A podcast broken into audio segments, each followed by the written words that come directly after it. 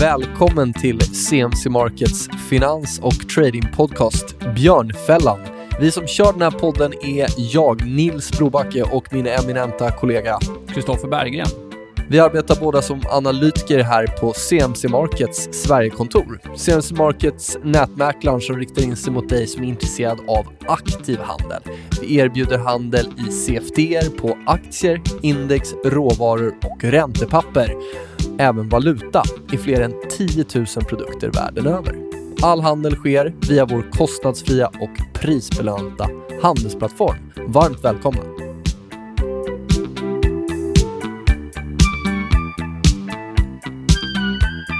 Då drar vi igång. Dags för avsnitt 19 av CMC Markets trading och finanspodcast Björnfällan.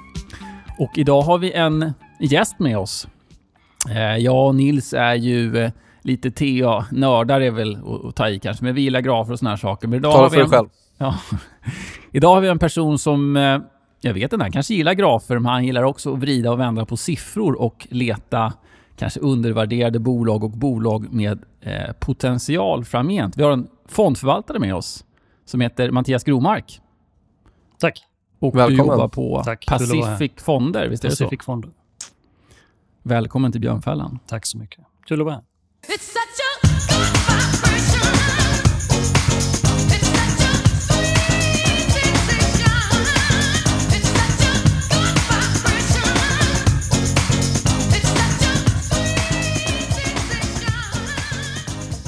Så, då sätter vi igång med frågorna då. Eh, berätta lite om din bakgrund. Alltid kul att höra för våra lyssnare. Hur eh, kom du in i branschen och vad är din bakgrund? Jag har en något udda bakgrund. Jag är ganska sen in i branschen. Jag eh, började som militär i flottan där jag spenderade sju år efter gymnasiet och lumpen.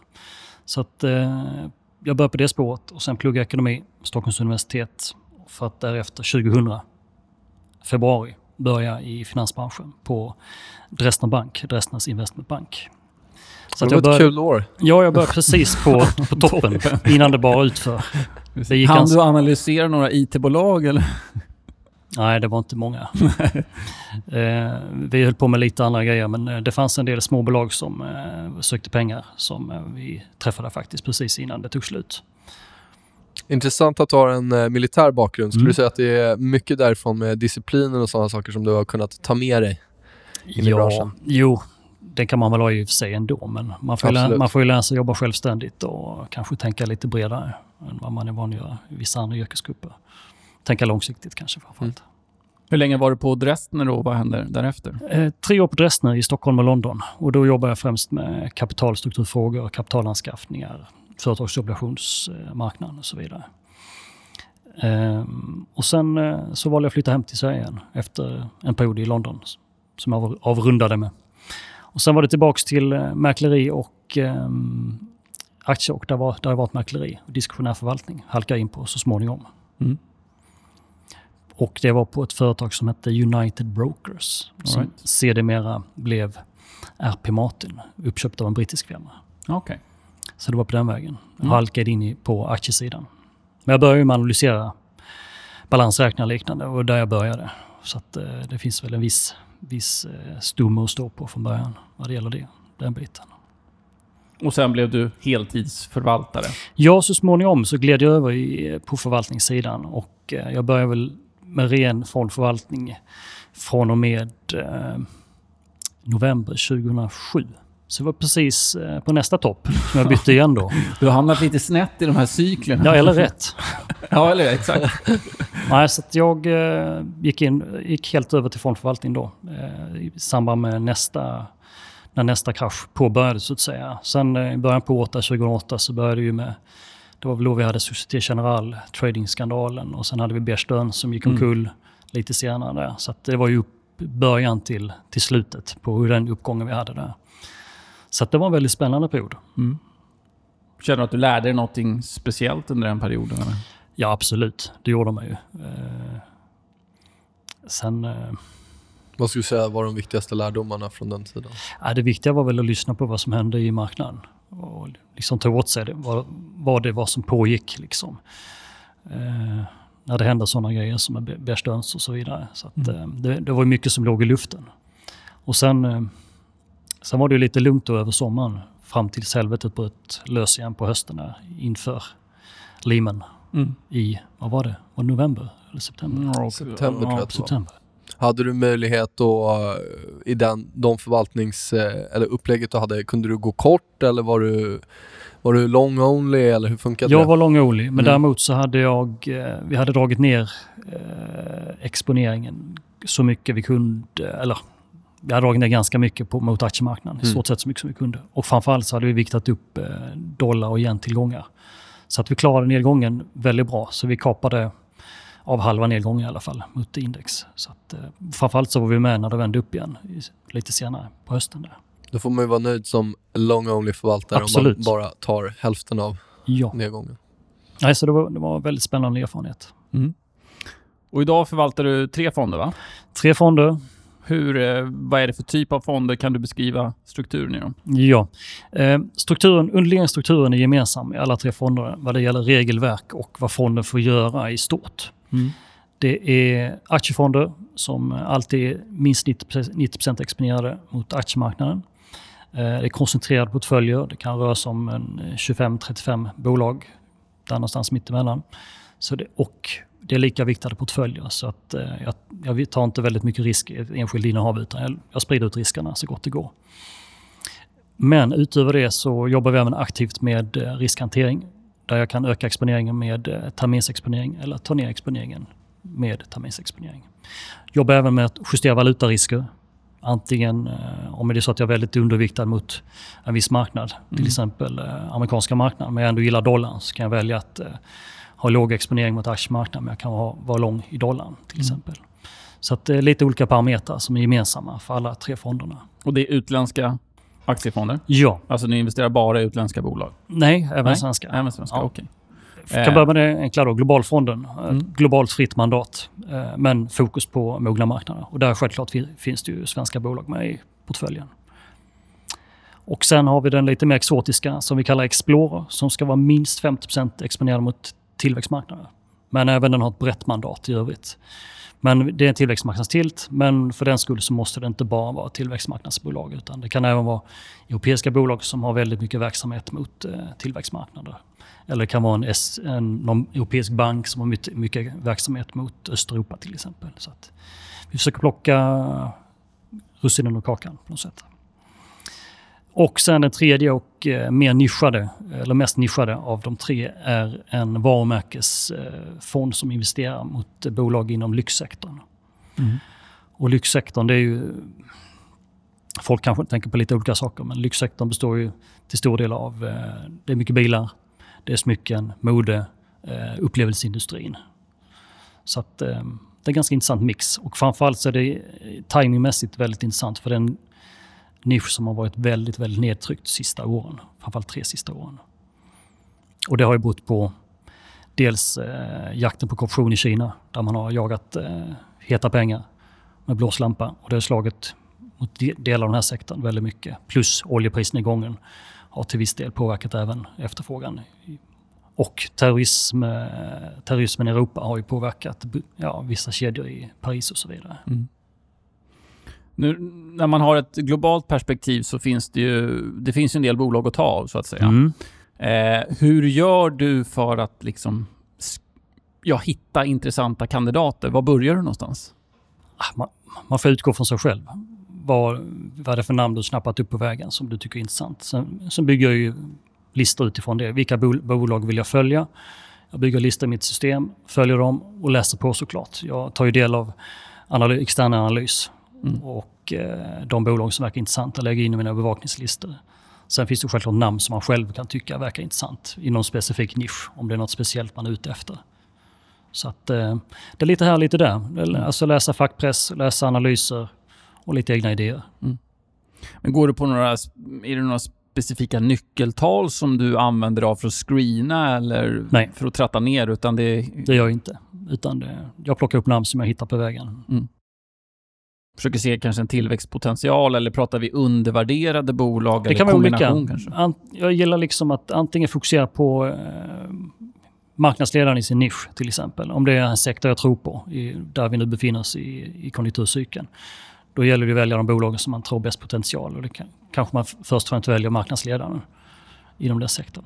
Eller om det är till exempel ett bolag som eh, generellt sett haft väldigt god tillväxt eller hamnat på däckis av någon anledning under en period. Till exempel H&M kan ju vara ett sånt namn. Det kan vara intressant att plocka in också till exempel. När du hittar det- här... Ja, förlåt. Alltså det kan vara en blandning. Dels av eh, en marknadsledare som ligger just nu rätt i sin sektor, rätt i konjunkturen och allting är fine och det ser bra ut. Det är sånt man kan plocka in. Eller så plockar man in någon som kanske genomgår en lite svår period som, eh, där det kan vara dags att se någon vändning. Där, där man väntar på någon form av trigger. När du eh, hittar bolag som uppfyller de här kriterierna som du just nämnde, Mm. eh, adderar du någon typ av timing approach, typ teknisk analys när du ska kliva in eller? Absolut, det gör jag. Eh, köp och säljbeslutet lägger jag ganska mycket, mycket vikt på. För man vill ju man vill ha bra uppsida och begränsa nedsidan. I, så att, eh, Så du tänker i de här termerna risk-reward? Absolut. Ja. Absolut. Man vill ju se att man åtminstone har minst dubbla uppsidan jämfört med vad potentiella nedsidan är. Men eh, det är ju alltid så att det är ju det är ganska lätt att köpa någonting. Och sen gäller det att man hamnar rätt. Så att man, jag bygger inte en position på, på en gång utan det försöker man bygga successivt och se att man kommer rätt. När du adderar position, gör du alltid det? Låt oss säga att du kliver in i eh, en aktie och eh, adderar du bara positioner aktien har gått med dig, alltså du har börjat generera vinst eller kan du även liksom köpa på dig eh, så att säga under din, ditt första köp? Ja, enligt många tumregler så är det så man ska göra. Man ska ju vänta med att köpa tills, eh, tills det har bekräftat att man har gjort rätt. Men, och det är väl så man ska, jag försöker göra. Men ibland har man ju fel. Så är det. Och ju visst, då kan det vara så att man väntar, avvaktar, utvärderar. Ska, ska man låta, det, låta bli, kliva av eller ska man se det som ett, att man var lite tidig bara? Så att, eh, det är inte alltid enkelt eh, vad som är rätt där. Skiljer du där på de bolagen som, som du pratar om var marknadsledande och som har liksom ett positivt momentum ekonomiskt sett och de som kanske har lite motgångar just nu som har varit bra bolag Turn- i hur länge du väntar Ja. ut Ja, bolaget? Turnaround-casen är ju svårare. Mm. Om du till exempel har ett bolag som har haft problem av något slag, att det har konsoliderat under två år. Ju, att komma in rätt där när det är dags för en vändning, det kan ofta vara svårt. Alltså. Det, ofta är du för tidig. Som H&M till exempel. Och det kan ofta vara också det, kanske de mest spännande lägena när man väl bryter en sån lång Absolut. konsolidering, du har ett case som du tror på så, så kan det ju gå snabbt där också när det vänder. Ja. Så att, men det gör dig intresserad av ett sånt bolag som har konsoliderat en längre tid och, och du, Absolut. du ser de här eh, värdena som du ändå ser. Då. Ett, ett bra exempel eh, i eh, Explore är till exempel ett bolag som heter Checkpoint eh, Software, ett israeliskt eh, säkerhetsföretag inom mjukvara. De har två år och ansetts vara högt värderade, har varit, väldigt blankad. Eh, och det, ja, jag följde bolaget under sex månader ungefär och väntade se när det skulle ta ebba ut för att sektorn i sig är väldigt intressant. Och när det bolaget bröt sin konsolidering, då gick det väldigt, väldigt fort. Det är ofta det som sker också, framförallt under aktier som varit blankad. Blankare tvingas ta stopparna Ja. och driver på kurserna. Då drivs det på väldigt fort. Så att, eh, i sånt läge kanske jag tar hela positionen på en gång om jag känner att eh, det här kan vara värt att hoppa på. För man har följt det så pass länge och väntat på genombrottet. I det fallet funkar det. Då gick det 20% på en vecka också. Det är inte så vanligt att eh, förvaltare som kanske har ett fundamentalt perspektiv i alla fall erkänner att de också har Ja, ett vet- jag- tekniskt perspektiv. jag vet att det är väldigt ofint. Ja, är det så att där ute i förvaltarsvängen att TA är inte helt ovanligt? Jag även tror- bland fundamentala Jag tror de flesta inte vill kalla det för TA, utan de ser det väl mer som att det är någon form av price eh, timing-fråga. Momentum etc. Ja. etc. Kalla det vad du vill. Ja, ja, det är kul att höra. I feel so extraordinary. Something's got a hold on me. I get this feeling I'm in motion. A certain sense of liberty. I don't care 'cause I'm Låt säga att du har ett bolag i portföljen. Mm. Eh, Det är lätt att man blir lite kär i sina bolag. Men när blir ett bolag ointressant att äga? När gör du av med ett bolag? Ja, det enkla är ju när man anser att eh, det är fullvärderat. Det kanske har gått eh, lite för långt. Eh, det är ett annorlunda problem.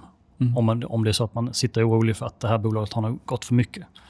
Ett sånt exempel kan ju vara Sandvik som köpte här i förra vintern, som nu ja, förra året gick 70% Och det är ett sånt bolag man börjar fundera på om det kanske har gått lite för mycket här nu. Men det är ett annorlunda problem. Och det andra fallet är om du köper ett bolag som det, det händer ingenting. Du fortsätter gå sidledes, det, det kommer ingen trigger. Eh, det blev ingen omvärdering av bolaget. Eller tvärtom, att det kom mer dåliga nyheter. Så att eh, det går åt andra hållet. Så att eh, det, är ju, det kan vara lite olika det där. Det är ju svårt också när, när har någonting gått för mycket? Man kunde ju plockat Sandvik när det gått upp 60 Då har det gått för mycket. Det är ju en ganska Det, det är, klassisk, det är ett klassiskt misstag Har du att något sälja, sälja dem. tänka där eller går det på liksom fingertoppskänsla? Nej, det är tänka två gånger innan man plock, säljer vinnarna. Ja. Det är ju det klassiska att man börjar ta på vinnarna Mm. och låta förlorarna ligga kvar och eh, dra ner portföljen. Så att jag försöker ha det i åtanke att inte vara för snabb utan se över vad, vad kan det finnas för faktorer som kan driva det här vidare. Då kanske man lägger ner lite mer arbete på att följa de bolagen. Om vi tar nersidan där. Det låter som att du kanske inte anammar en, en sån eh, hardcore stop-loss-strategi. Låter du, är det att du skalar ut om du fortsätter ner eller hur, hur, hur tänker man där? Liksom? Har du börjat så smått att det, det, du har ändå du kan ändå och låta det gå emot dig ett tag? Eller hur tänker du där? Det, Ja, lite, lite grann kan man göra det. Sen är det ju ofta så att om det dyker upp en, en oväntat dålig nyhet så går det ofta väldigt fort nerför. absolut, Så det är svårt ut. och då sker korrigeringen väldigt fort. Så att då är det ett nytt läge. Och det behöver inte betyda på automatik att man måste kliva av då, för att då kanske det är redan inprisat det som nu händer. Så att, eh, då får man ju göra omtag och tänka om på nytt. Så att eh, antingen kliva av eller helt enkelt ligga kvar eller köpa Mm. lite mer. Mm. Och så på det ser ut. Om du funderar, funderar igenom lite vilka innehav du har i dina portföljer, är det några, något eller några som är extra intressant och varför är de extra spännande? Jag tänker ofta inte så, utan det är väl snarare så att man delar in bolagen i de här kategorierna. Det, det som går som planerat, det som inte går som planerat och det som man väntar, förväntar sig ska komma igång. Så att eh, det är väl där man lägger energin så att säga. De Eh, intressantaste bolagen är de som levererar. Ja, och de Ja. låter man kanske vara. Och sen hela jobb, letar man väl fel istället. Vad är det för fel på de innehav jag har som inte beter sig som man ska? Är det dags att byta ut eller ta något annat? Eller, ja. Så att eh, vinnarna låt, försöker man väl låta vara, låta jobba medan man försöker ta bort det som eh, brister i portföljen. Är det några bolag, då, om vi omformulerar, som Mm. du tycker är, som är extra starka som liksom kanske in en bas eller liknande i portföljen? Något bolag som du skulle kunna säga till mig och Nils att det där är ett riktigt fint bolag? Ja, jag kommer ju få äta upp det här men eh, ja, exakt. jag har ju gått Ta ingen vinnare nu. Ta någon Nej, nej, jag, att inte jag, den jag har ju köpt H&M för att jag tror att det är ett bra Ah. tillfälle för att det har varit så mycket negativ eh, media från analytiker och liknande om den perioden de är inne nu. Men jag, Mm. tror att eh, jag tror den tillväxten de erbjuder är fortfarande attraktiv. Mm, Jag hade det som mitt, ett av de spännande köpcasen i år eh, i förra podden. Mm. Nu har vi för sig brutit den här 240-nivån som jag Mm. sitter och kollar på, så det känns lite läskigt. Men det är klart, det kan, det kan komma upp där eh, igen då. Precis. Men just den här kombinationen teknisk analys, att det ser bra ut kontra det här extremt negativa nyhetsflödet, det är något som jag gillar. Ja, precis. Sen är ju frågan då, timingen är ju alltid svår. För det kan ju Absolut. på hur mycket är det inprisat i just nu, de- negativa nyheterna. Sen, Mm. ja, vad är det som ska vara triggern som vänder det? Har vi en rapport nästa vecka va? Tror jag på. Ja, det, det kan ju vara en bra trigger till exempel. Mm. Eller inte. Vi får se. Har du några bolag som du inte äger än och som du har ett litet extra eh, öga för som du väntar in då kanske ett bättre läge timingmässigt? Det finns väl ett, ett an- Jag har liksom, jag har ju mina Du favoritlistor. har en så- bevakningslista Ja, jag har ju men om det, man men- tittar på topp tre bevakningslista, alltså, finns det något som är, kittlar lite extra? Något bolag som jag tyckte att jag borde haft med som av anledning inte har kommit med, det har väl varit Volvo till exempel. Men, eh, ja. Och sen har jag till exempel varit inne i ABB under långa svängar, men som jag tog ut här strax före årsskiftet. För att jag dels hade aktien gått väldigt starkt och dels tyckte jag det var lite dåliga vibbar från, från deras kapitalmarknadsdagar som de hade i... Det blev ganska mycket negativa skriverier och de hanterade informationsgivning och så vidare. Plus eh, bråket kring det här med dela ut eller inte dela ut delar av verksamheten. Så det är ett bolag, men det är till exempel en sån som jag definitivt kommer att hålla ögonen på och eh, klart kan vara intressant att komma in igen. What's wrong with you? You're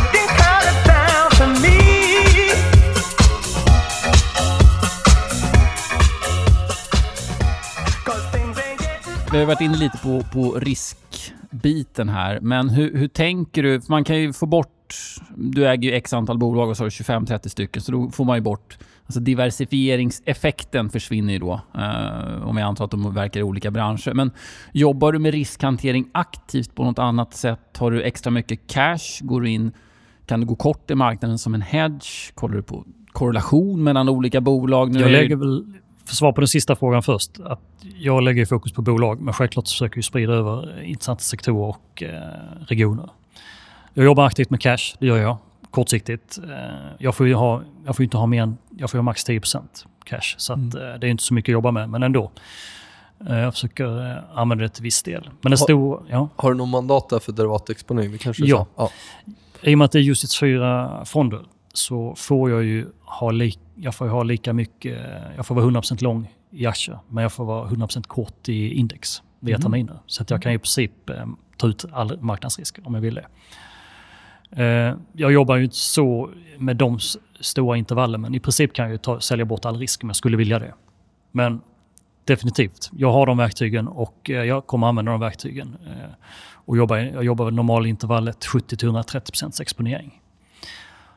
Men eh, sen kanske det inte är alla lägen man ska göra det. Utan ibland är det ganska bra att se till att vara med i marknaden bara tills man vet vad det ska ta vägen. En sak glömde vi. Vi nämnde det tidigare i och för sig. Eh, och I dessa tider så spelar ju valutaexponering en väldigt stor roll också för hur du eh, beter dig i förhållande till jämförelseindex. Så att, eh, hamnar man fel i valutorna så slår, kan det slå väldigt hårt. Så att, Mm, vissa därför- aktier är ju rena valutatrades nu. Precis. Mm. Så jag jobbar eh, med valutaexponeringen, det gör jag definitivt. Och framförallt nu när jag tror att kronan har varit, eh, hamnat, blivit för billig så tror jag att eh, vi kommer att få se att det slår tillbaka så småningom här. När folk- framförallt mot dollarn du tänker då, eller rent Ja, både mot dollarn och euron tror jag. Ja, självklart mot yenen också. Att, eh, jag tror kronan är billig. Sen när det vänder, det, det är svårare att säga. Men jag tror de flesta inser att eh, med den tillväxten vi har, att inflationen på väg tillbaka, så har vi ju passerat ränteborta i alla fall. Har du någon åsikt om pund? Nej, det har jag inte. Det, det ser jag som rena lotteriet, Mm. hur den här processen ska falla ut. Eh, Jag är inte så himla säker på att vi får se någon Brexit Nej. i slutändan. Hur exponerad är du mot eh, UK i bolagen? Ingenting faktiskt. Mm. Jag har helt avstått från det. Är det ett aktivt val eller är det bara en tillfällighet? Ja, det, har, det har blivit ett aktivt val. Eh, visst, börsen har gått bra, men valutan är för storstryk. Så att, eh, det har varit lätt att göra bort sig där, tror jag. Eh, sen har ju... Eh, jag har inte varit så tung i råvaror. Och det, är, det är ganska ofta det är råvarubolag eh, på brittiska marknaden som kan vara intressanta. Men just nu har jag avstått det.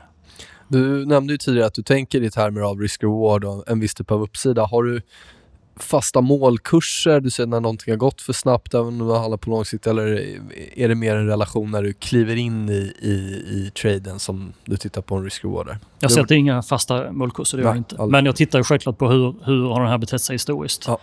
Det beror väl lite på vad det är för sorts papper också och Mm. eh, hur, hur branschen i sig utvecklas. Så jag, eh, om en aktie går väldigt bra så självklart så tittar man på hur, värdering, hur stretchad värderingen blir jämfört med historiska mått.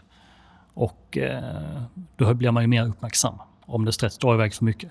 Skulle du säga att du använder några stopploss-tekniker eller låser in vinster baserat på eh, volatilitet och historiska priskurser? Eller? Nej, det är väl snarare så att jag eh, börjar kapa ner ett innehav om jag tycker det drar för mycket. Helt enkelt. Och nöjer mig kanske med att halvera det till att börja med. Så får man se hur det går. Det någon, vi var inne lite kort och pratade om 2008 där, men är det någon annan speciell incident som har påverkat dig eh, som du har upplevt i marknaden? Ja, det har ju varit väldigt populärt i branschen och i media överhuvudtaget att eh, ha så himla mycket åsikter om eh, vad centralbankerna gör och vara skeptisk och vara ifrågasättande. Men jag har väl alltid försökt göra det att man får, liksom, eh, man får följa centralbankerna. Sen får man, kan man tycka vad man vill av vad de gör. Men Mario, Draghis tal här för eh, ett antal år sedan när han satte ner foten. Whatever att- it takes. Ja, det, det tycker jag var en extremt tydlig signal som inte gick att missförstå. Och den, eh, den tog jag och mina ko- kollegor då väldigt fasta på. Och det var ju bara att gilla läget och följa det. Och eh, vara positiv efter det. Men eh, nej, så har jag aldrig förstått mig på dem som eh, liksom lägger väldigt mycket energi på att eh, Intellektuellt överbevisa centralbankernas precis. agerande? För För, Liksom, eh, jobbar man, har man den här typen av jobb så är, det finns ju bara ett syfte. Det är ju att göra ett bra jobb för andelsägarna. Det är ju det som gäller. Det är ju att tjäna pengar för andelsägarna. Och inte ha massa åsikter om vad centralbankerna gör. skulle du säga att du agerar olika i drawdown och nu menar drawdown i din P&L, i din avkastning kontra all time high. Påverkar det en psykologiskt? Eh, och påverkar det dig psykologiskt? Nej, det vet jag faktiskt inte. Utan jag, dels fokuserar man mycket på enskilda innehaven. Och visst, självklart så tittar du på eh, totalen också i portföljen. Men utan, eh, går inte portföljen som man har tänkt sig så börjar jag först leta fel i innehaven. Vad är det man missar? Finns det andra innehav som ska in istället till exempel? Så det blir väl lätt det att jag tar bit för bit och se- ser vad jag hittar fel och vad är det som drar ner. Investerare tenderar ju att investera i all time high och ta ur pengarna i eh, djupaste drawdown, vilket är både tråkigt och eh, egentligen rätt ologiskt om man tror på strategin och förvaltaren. Ja. Hur tänker du kring det? Nej, men det är ju klassiskt. Och det ser jag ju nu. Vår, det är ju den fond som vi har som har gått bäst. Eh, vår Pacific Explorer som, som mest var upp 27% från start och nu ligger upp 25-26. Det är den fonden folk köper nu. Så att det är ju det. Den som har gått är det man köper. Men det kan vara helt rätt. Jag, jag är positiv också, men jag, jag tror lika mycket på de andra fonderna också. Men det som sticker ut är det folk köper. Skulle du säga att det är någon skillnad där mellan retail och institutionella investerare? För någonstans är det ändå människa bakom varje investering oavsett om det är för en egen investering eller för eh, den man representerar om det är institutionellt. Jag misstänker att retail köper lite mer på magkänsla. Eh, vad som toppar topplistorna på tre månader eller tolv månader. Medan äh, eh, institutionella har väl en lite mer äh, genomgripande process. Ska jag misstänka. Det tittar på lite längre sikt också förstås. När man tittar på och jämför fonder, framförallt då kanske retail-sidan, så, så är det ofta nyckeltal och olika mått på hur bra man har levererat i förhållande till risk och så vidare och så vidare som, som, man, som man tittar på. Är, finns det några nyckeltal där som du tycker är extra intressanta? Ja, det viktigaste nyckeltalet är ju, det är sharp-kvoten. Alltså hur är fondens avkastning i förhållande till, eh, till risken, tagen risk. Det är det viktigaste måttet. Och sen då självklart om man generellt då, om man köper en fond som eh, en indexfond eller icke en indexfond så är det ju tracking error från ett index. Har du, har du högt tracking error om det nu ska vara en, en aktivt förvaltad fond och tvärtom då om det är en indexfond, följer du ditt index. Så att, eh, de två måtten tycker jag är väldigt intressant. Eh, Just när det gäller Sharp så tar man ju faktiskt hänsyn till volatiliteten på uppsidan där. Då kan Mm. jag tycka ibland att Sortino ratio blir en kanske en bättre eh, spegling. Men det tänker man också i volatilitet på uppsidan, blir det, blir det viktigt eller? Ja du, bra fråga. Mm. Jag har inte tänkt på skillnaden faktiskt. Ja. Dina fonder är ju ganska unga. De firar ju ett år snart, va? Om en vecka. Nu blir det pomp och ståt. Ja. Eh, upplever du funderingar kring det här, om man tittar då kanske på institutionella investerare? Vill de ha ett längre track record för att du ska liksom få Det vill, de det vill de absolut. Man är, det, det finns inte en chans att man har tillträde någonstans. Vad skulle du säga är en- gränsen? Är det tre år? Är det fem år? Det normala är ju tre år. Mm. Det tror jag. Sen kan man väl ha tur möjligtvis och få lite hjälp tidigare. Men tre år räknar vi skallt med. Att det- Tre år och viss volym i förvaltning också? en Ja, självklart. självklart. Får du inte upp någon volym på de tre åren så är det nog rätt tufft. Vi var inne på det här med QE eh, förut, eller centralbankernas agerande rätt sagt. Tror att det har hjälpt, för det har ju pushat upp börsen en del. Eh, har det gynnat förvaltare i form av att det har varit enklare att rida på liksom den generella uppgången eller har det varit svårare att vara stockpicker just på grund av att det har varit en generell uppgång? Ja, den generella uppfattningen är väl att det har varit svårare att vara stockpicker. Sen vet man ju inte riktigt vad det beror på kanske. Det är väl så att en del sektorer har gått som man inte trott ska gå och så vidare. Men om det är otur eller jag vet inte vad man ska kalla det. Eh, jag har inte tänkt så mycket på det själv, men eh, alltså, alla sitter ju på samma information.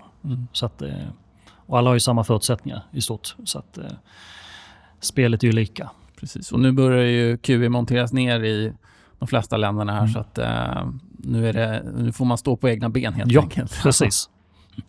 Men, och det beror ju på att eh, det- missar lätt folk att eh, ekonomin går ju faktiskt bättre än vad man tror i många länder.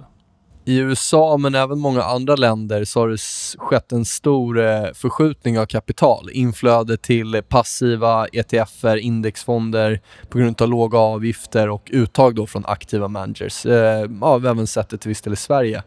Hur ser du på det här? Nej, det är ju en, det är en trend som pågått länge och eh, tanken med våra fonder var ju att placeras på andra sidan av skalan eh, gentemot eh, indexfonder och erbjuder då väldigt nischade produkter med hög tracking från index och eh, ja, helt enkelt vara motsatsen. Så inte det här mellanmjölk utan... Nej, nej, raka motsatsen. Och det är ju så att man måste ju så att säga ha någon form av existensberättigande. Att starta fler indexprodukter behövs ju inte i nuläget för det, det är liksom ganska väl etablerad marknad med väldigt hög konkurrens och hög prispress. Och eh, nej, så tanken är att eh, erbjuda ett alternativ. Man ska ha indexprodukter, det är bra produkter, ofta billig exponering. Men man bör även börja komplettera det med kanske någonting som inte kolliderar helt med övriga investeringar. Precis. Och där har man ju också det här vi var inne på med QE. Om nu QE har drivit index väldigt mycket så kan det ju som investerare vara lätt att tänka att jag behöver bara köpa ett index så, så kommer jag tjäna massa pengar. Men om då den drivkraften försvinner då är det kanske mer bolagens eh, förmåga att generera vinster, tillväxt etc. som är det som kommer driva eh, liksom performance för fonden. Inte att man trycker in massa pengar i det finansiella systemet. Nej, det är en svår fråga. Ja, det var, bara, det var något som ploppade upp här i huvudet. Så vi, vi går vidare. Om vi blickar framåt då. Eh, ser du någon marknad eller land eller liknande som är extra hett? Vi säger 5-10 år fram i tiden. Ja, men det är väl som många andra drar till med också. Det är väl Indien som är intressant. Eh, Indien är ju det är ett land med otroliga möjligheter men väldigt stora problem också såklart på vägen. Och håller på att gå igenom ganska stora förändringar. Ja, ja. det har de. Och det kommer hända väldigt mycket på vägen. Det kommer vara väldigt mycket problem på vägen. Men jag tror på lång sikt så kommer det vara en eh, fantastiskt intressant marknad. Och sen är problemet med Indien att det är ju alltid dyrt. Indien blir ju aldrig billigt. Det, det är en sak som man har lärt sig genom åren. Men eh, man ska ju absolut ha en viss, viss del av sin exponering mot Indien.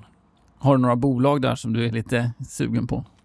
Nej, jag försöker väl vara med i, eh, i, inom banksektorn framför allt och eh, en del av de större industribolagen. Eh, det- Ett exempel nu på man försöker ju eh, spola ur mycket av eh, de svarta pengarna i systemet här för att få eh, lite bättre styrning på skattesystem och så vidare. Med den här valutareformen man kört här nu ny, nyligen.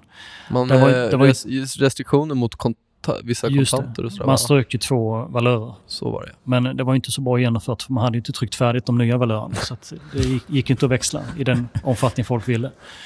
Men eh, när det väl har lagt sig, det, det kommer ju självklart eh, påverka ekonomin på kort sikt. För att, mycket pengar förmodligen kommer inte in i systemet som det var tänkt. Utan det, det sits, sitter nog på ganska mycket svarta pengar. Eh, det man har gjort i Indien när man har tvättat pengar det har varit att köpa guld och fastigheter generellt sett. För det har inte varit eh, så stor noggrannhet med var pengarna kommit ifrån. Men det, det blir ju slut med det nu. Och det har ju kanske haft en viss negativ inverkan på guldet framförallt också. För det har varit en, de har ju varit en stor naturlig köpare av guld. Hur ser du på, alltså om man tittar redovisning och hur bolagen eh, ja, men liksom redovisar vinster, omsättning och så vidare. Är det ett problem i Indien eller känner att liksom resultatbalansräkningar är rena från, från fiffel, eller hur man ska uttrycka det? Ja, det, så långt ska man väl inte gå men Det kan vara ett problem med andra länder också. Ja. ja, självklart, självklart. Men vissa länder har ju mindre genomlysning än andra. jag vet inte om Indien är det stora problemet. Jag misstänker att Kina är nog värre. Mm. Det är bara en känsla jag har utan baserade på fakta. USA, någon gap och gap kanske också. Ja, precis. Och de har haft Enron, Worldcom och Precis. massa, så att absolut. Det inte- kan hända överallt. Ja, ja, absolut. Investerare som du ser upp till, har du några sådana?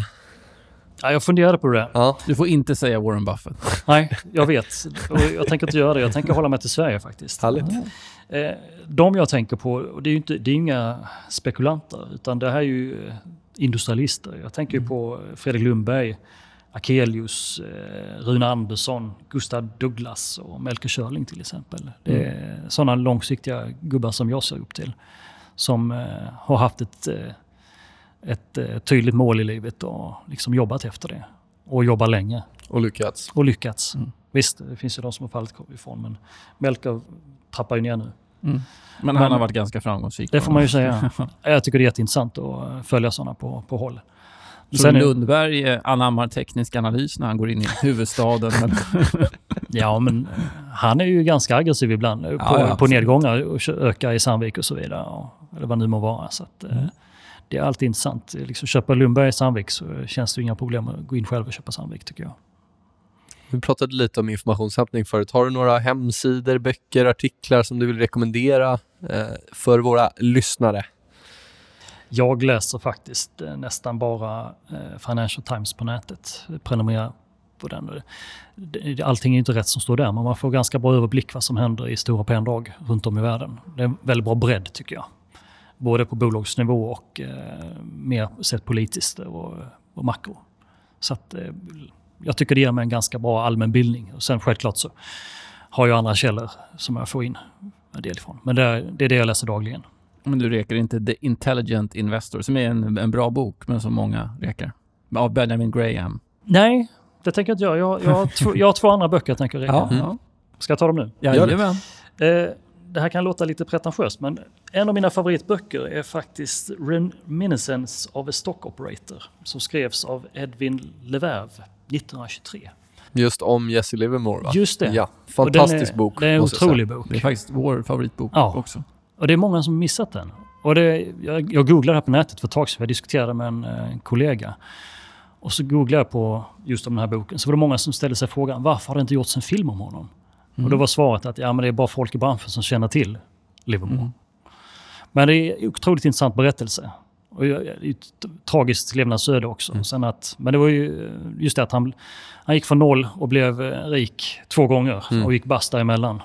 Och var en av de som tjänade mest pengar på kraschen 1929. Och det är intressant att de marknadsfenomen eller de prisfenomenen som han identifierar är ju absolut håll, håller verkligen idag, även om saker och ting kanske går lite snabbare. Det var dit jag skulle komma. Att ingenting är nytt under solen. Liksom. Det som gäller då, det gäller idag också. Och det som har hänt då kommer hända igen. Precis, och det är det som gör den är, ja, den är faktiskt riktigt bra. Det enda negativa, det är väl, alltså det är lite komplicerat engelskt språk ibland. Den är skriven för ett tag sedan. Ja. Eh, Jag tror inte det finns någon översättning. Nej, eller det gör inte. Inte på svenska i alla fall. Eh, jag tror till och med Bill Miller, som har- ja, Leg Mason, ja nu heter de väl någonting Mm. annat, men han är ju en, en legendarisk eh, förvaltare i USA. Han rekar ju den boken. Ja. Och den är, det är lite otippat att... Det finns på nätet. Ja, det kanske Ligger uppe på nätet. Ja. Ja, hade du någon annan bok där också? Ja, eh, och det var ett tag sedan jag läste den. Eh, The Great Crash 1929 som skrevs av John Galbraith. Och den skrev han 1955. Okej. Och det handlar om stora depressionen och kraschen. Vad som ledde fram till eh, kraschen och vad det var som pågick. Och det är samma sak där, det som hände då och f- förspelet till kraschen. Det, det är det som kommer hända igen, som vi har sett hända flera gånger. Nej, men det är många som, om man, det är ofta cirkulerar bokrekommendationer och så vidare. Pratas det med förvaltare och så vidare så är det ofta böcker om den finansiella historien som Mm. också rekommenderas. Inte att du ska använda det här nyckeltalet eller analysera på det här sättet, utan även fast inte historien egentligen säger något om hur det kommer utvecklas så kan man lära jättemycket om framförallt hur människan agerar och varför de här bubblorna uppstår till exempel. Ehm, Ha- Har du någon eh, spännande Black Swan där som du funderar på eller du kan se någonting? Om du skulle verkligen kasta ut något här. Det som oroar mig närmaste året menar du, närmaste åren? Nej, alltså det är ju politiken som är, som är problemet. Eh, Trump är ju, det är lottsedel. Det är omöjligt att säga vad det tar vägen. Det allt kan ju hända där. Det kan ju bli jättebra eller så slutar det med att hamna i, riks, han hamnar i riksrätt. Liksom. Eller eh, hamnar i konflikt med Kina. Skulle du säga att det är globalt hela den här anti-etablissemangstrenden som råder? Jag tänker eh, Brexit, Trump, nu får vi se Frankrike, Holland och så vidare. Ja, det är ju en tråkig utveckling, men det, är, det verkar ligga i tiden liksom att eh, folk verkar ha för mycket tid och sitta och noja om alla problem som finns i världen. Och så ser man samtidigt att det, saker går faktiskt framåt. Jag diskuterade med några kamrater sen, ja, senaste veckan här att man missar lite vad, vad som sker i världen med eh, hur fattigdomen reduceras, hur eh, barnadödligheten sjunker och så vidare. Ja, vi har alla haft Men- det bättre än nu. Ja, men vi i väst, vi ser inte det och uppskattar inte det. För att vi, vi ser inte förändringen. Och vi har för mycket tid att sitta och fundera på vad som är fel i världen. Men jag är, jag är optimist. Men eh, visst, det kommer att hända saker. Så är det alltid. Och sen vad det är som hamnar i fokus och vad som sker, det, det är svårt att säga om innan. Men, Tittar vi på 2016 så var ju de största urblåsningarna de bästa köplägena. Jag Så tänker februari botten, Brexit, Trump. Så Så, att eh, det kanske ger lite fina lägen framöver Japp. också. Det lär det göra.